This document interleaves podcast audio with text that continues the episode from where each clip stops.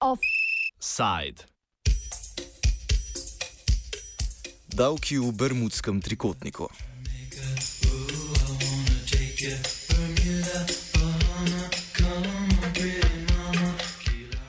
V današnjem Sajdiču se lotevamo nedavno objavljenih rajskih dokumentov, še enega v vrsti razkriti, ki dokazujejo razširjenost izogibanja plačevanja davkov preko davčnih oaz.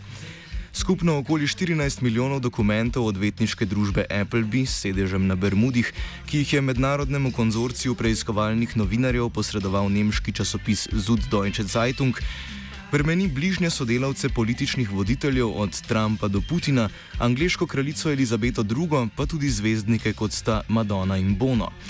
Razkritje podrobno opisuje tudi, kako se z uporabo slamnatih podjetij multinacionalke Apple, Nike, Uber in Glencore uspešno izogibajo plačevanju davkov v državah, kjer poslujejo. Rajski dokumenti, kot so jih poimenovali novinari, so že peti v vrsti podobnih razkritij. Prvi med njimi so bili leta 2013 Offshore Leaks, leto zatem so jim sledili LuxLeaks, nato SwissLeaks, lani pa Panamski dokumenti. V današnjem offsajdu preizprašujemo učinke razkriti takšnih dokumentov na evropsko zakonodajo.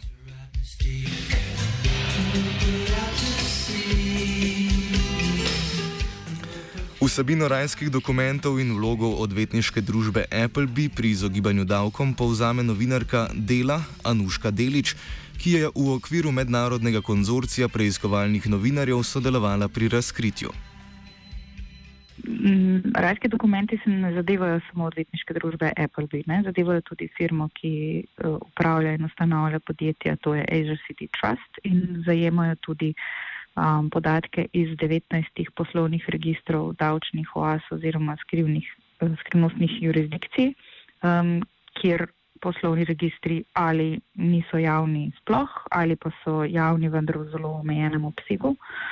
Um, tako da razkritje je še veliko večje od same odvetniške družbe. Kaj pa odvetniška družba počne v teh schemah, je pa seveda to, da jih postavlja. Se so tam pri njih zaposleni specialisti za prav te zadeve, torej gre za upravljanje premoženja, plemenitenje premoženja in pač, če se čisto domače izrazim, za premikanje denarja iz enega žepa v drug žep. Ampak to pač tako, da ni, na koncu dneva seveda nihče ni ničesar kriv in to počne odvetniška družba, kot je Apple bi v takih primerih.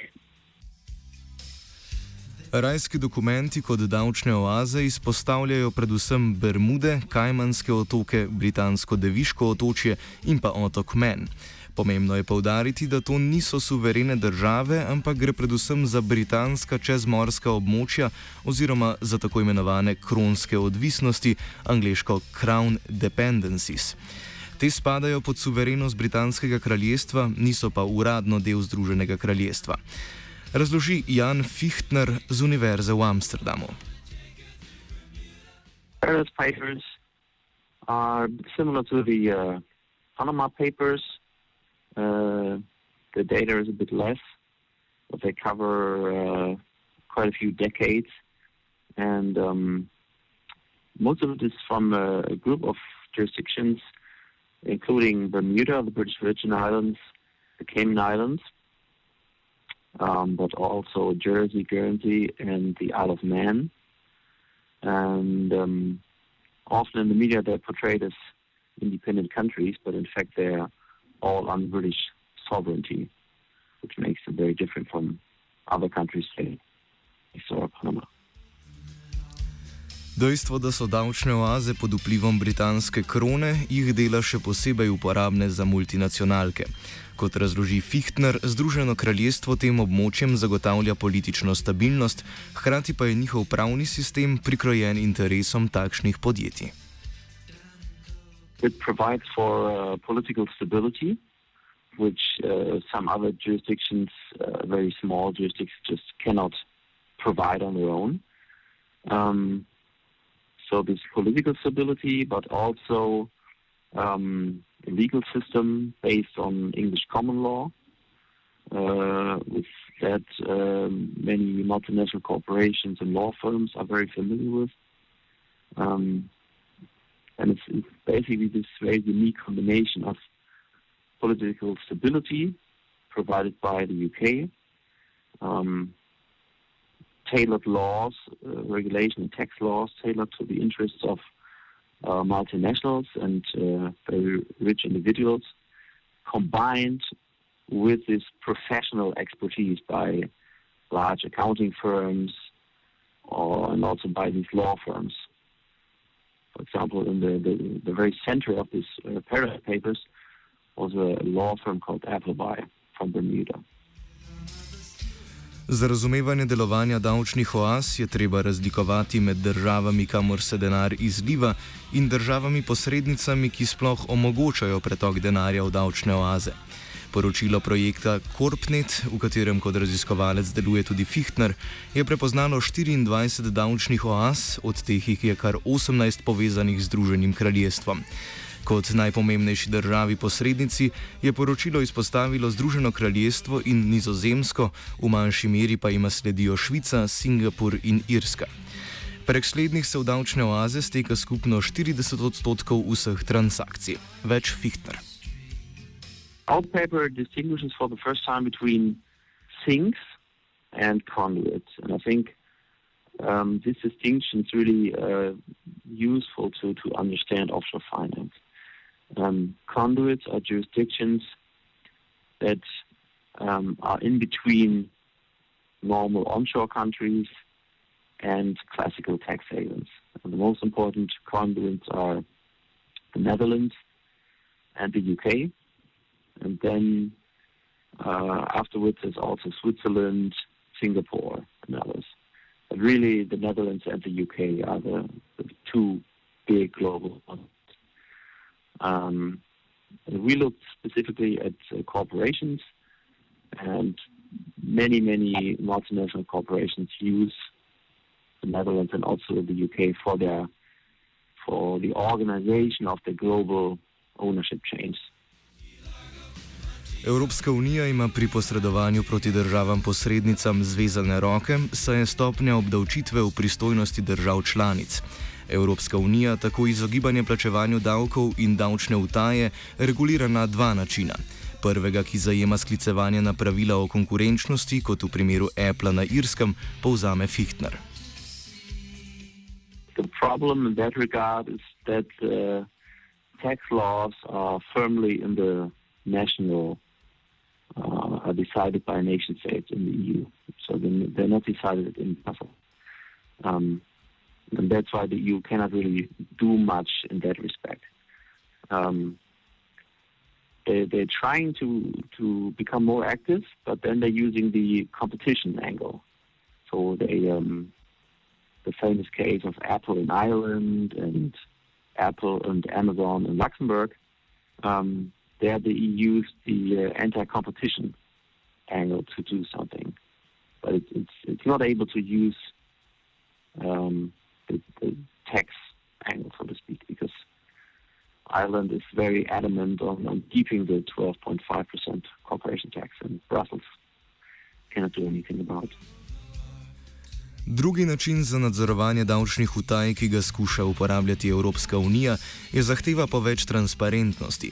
Trenutno Evropski parlament razglablja o implementaciji nove direktive proti pranju denarja.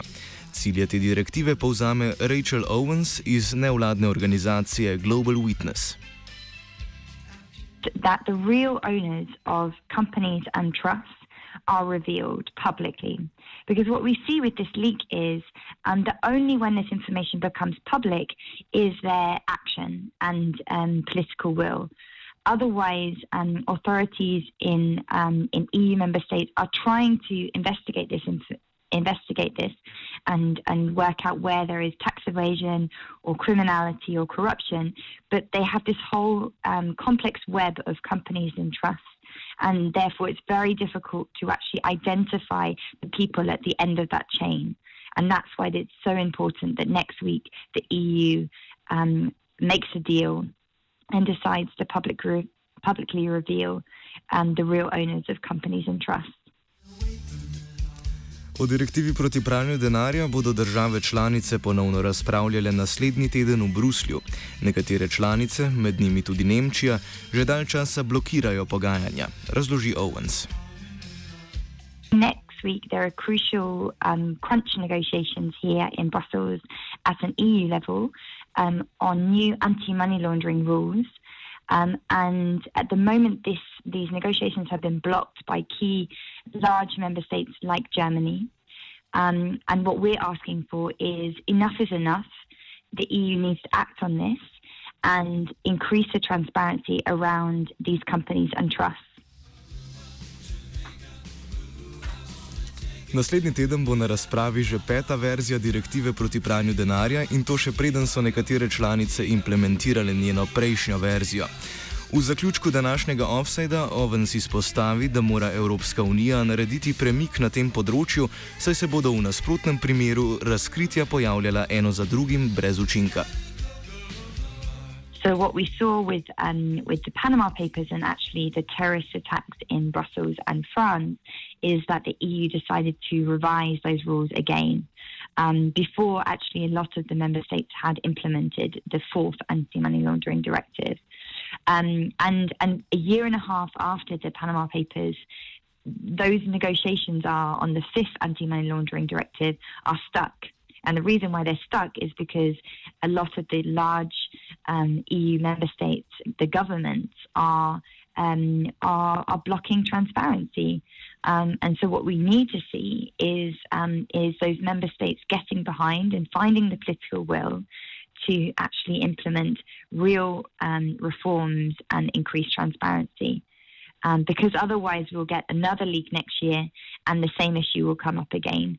Um, so what they actually need to do is is just break break the the, the veil um, of secrecy um, and really open these up.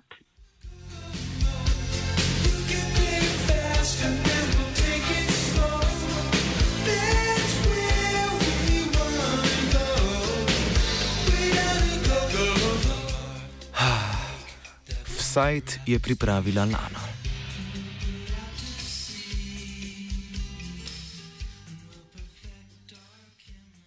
You're tuned to Radio Student on 89.3 MHz FM stereo. We wish you clear sound and sharp picture.